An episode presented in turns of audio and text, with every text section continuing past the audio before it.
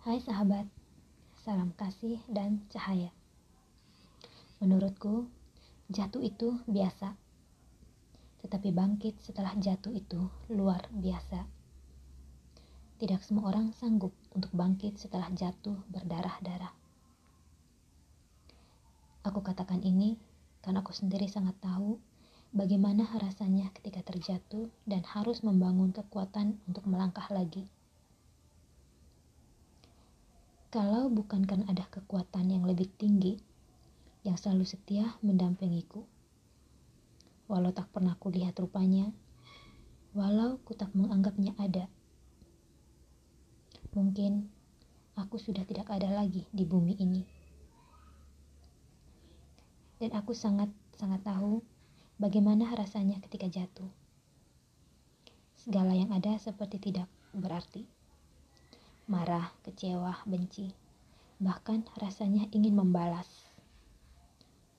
Ya, aku pernah menjadi orang yang paling dark di bumi ini, dan benar, menyimpan kebencian dan dendam seperti menggenggam bara api.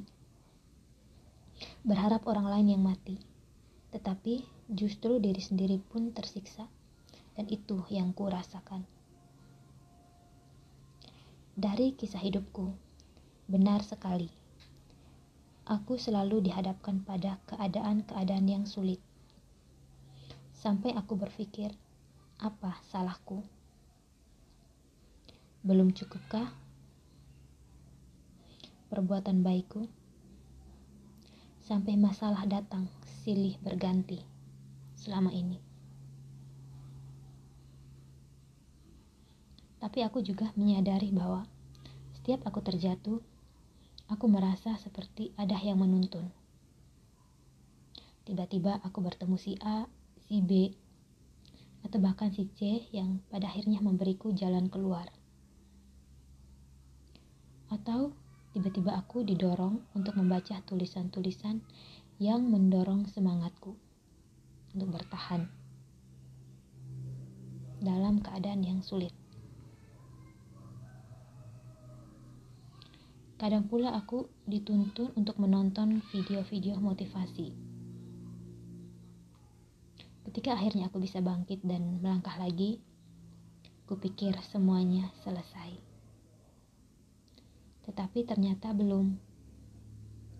Ternyata aku masih harus jatuh lagi, lagi, dan lagi. Dan aku didorong lagi untuk bangkit dan melangkah lagi. Sebagai manusia, Tentu aku merasa lelah dan mulai bertanya-tanya. Sepanjang apa lorong gelap yang harus kulewati? Di manakah ujungnya?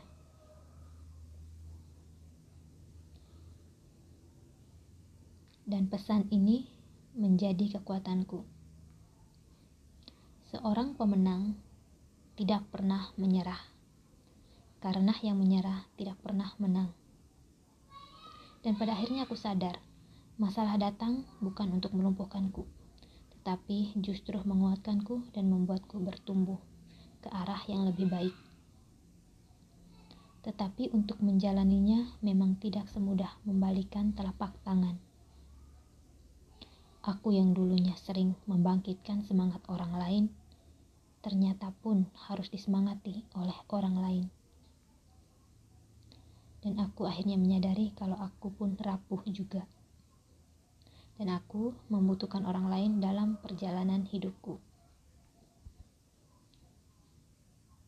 Oh iya, aku bersimpatik dengan film The Karate Kid yang diperankan Jaden Smith. Aku ingat bagian di mana Jaden datang meminta kepada Jackie Chan untuk belajar ilmu bela diri. Dalam pemikiran Jaden, dia langsung diajarkan jurus-jurus hebat. Ternyata tidak seperti itu. Jaden diminta menggantungkan jaketnya di tiang. Begitu dia menggantung jaket itu, Jackie Chan yang adalah guru langsung membuang jaket ke tanah. Jaden disuruh memungut. Ketika Jaden menggantung kembali jaket itu, Jackie Chan kembali membuang jaket itu ke tanah. Dan seterusnya seperti itu. Pada akhirnya, Jaden jengkel minta ampun kepada Jackie Chan. Dari penggalan kisah ini, aku dapat menangkap bahwa Jackie Chan tidak hanya mengajarkan ilmu yang hebat, tetapi dia juga mau melatih kesabaran Jaden.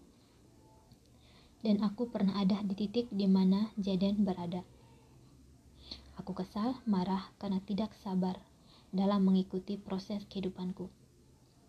Semakin aku tidak sabar, semakin masalahnya berteleh-teleh. Dan di banyak ujian kehidupan aku tidak lulus, sehingga harus mengulang ujian yang sama dengan orang yang berbeda atau tipe masalah yang berbeda. Beruntung saja di saat ini, aku sudah lebih paham. Karena mungkin jam terbangku di atas ketidakbahagiaan sudah melampaui jam terbang normal. Aku sudah belajar banyak hal jadi lebih bisa menerima apa yang terjadi. Tetapi yang kurasakan, kok pelajaran kehidupannya tidak selesai-selesai. Aku kapan lulusnya, kapan menikmati hidup yang nyaman, dan akhirnya datanglah ego mengusik. Dan ujung-ujungnya mulai panik. Si A, si B, si C sudah nyaman dengan hidupnya, sudah sukses, ceritanya begitu tapi aku kok masih harus mengikuti ujian kehidupan.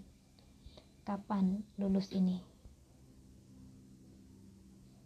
Dan akhirnya aku mendengar malaikat berbisik. Tenang, sabar, waktu Tuhan pasti yang terbaik. Nah sahabat, ini ceritaku. Thank you, namaste.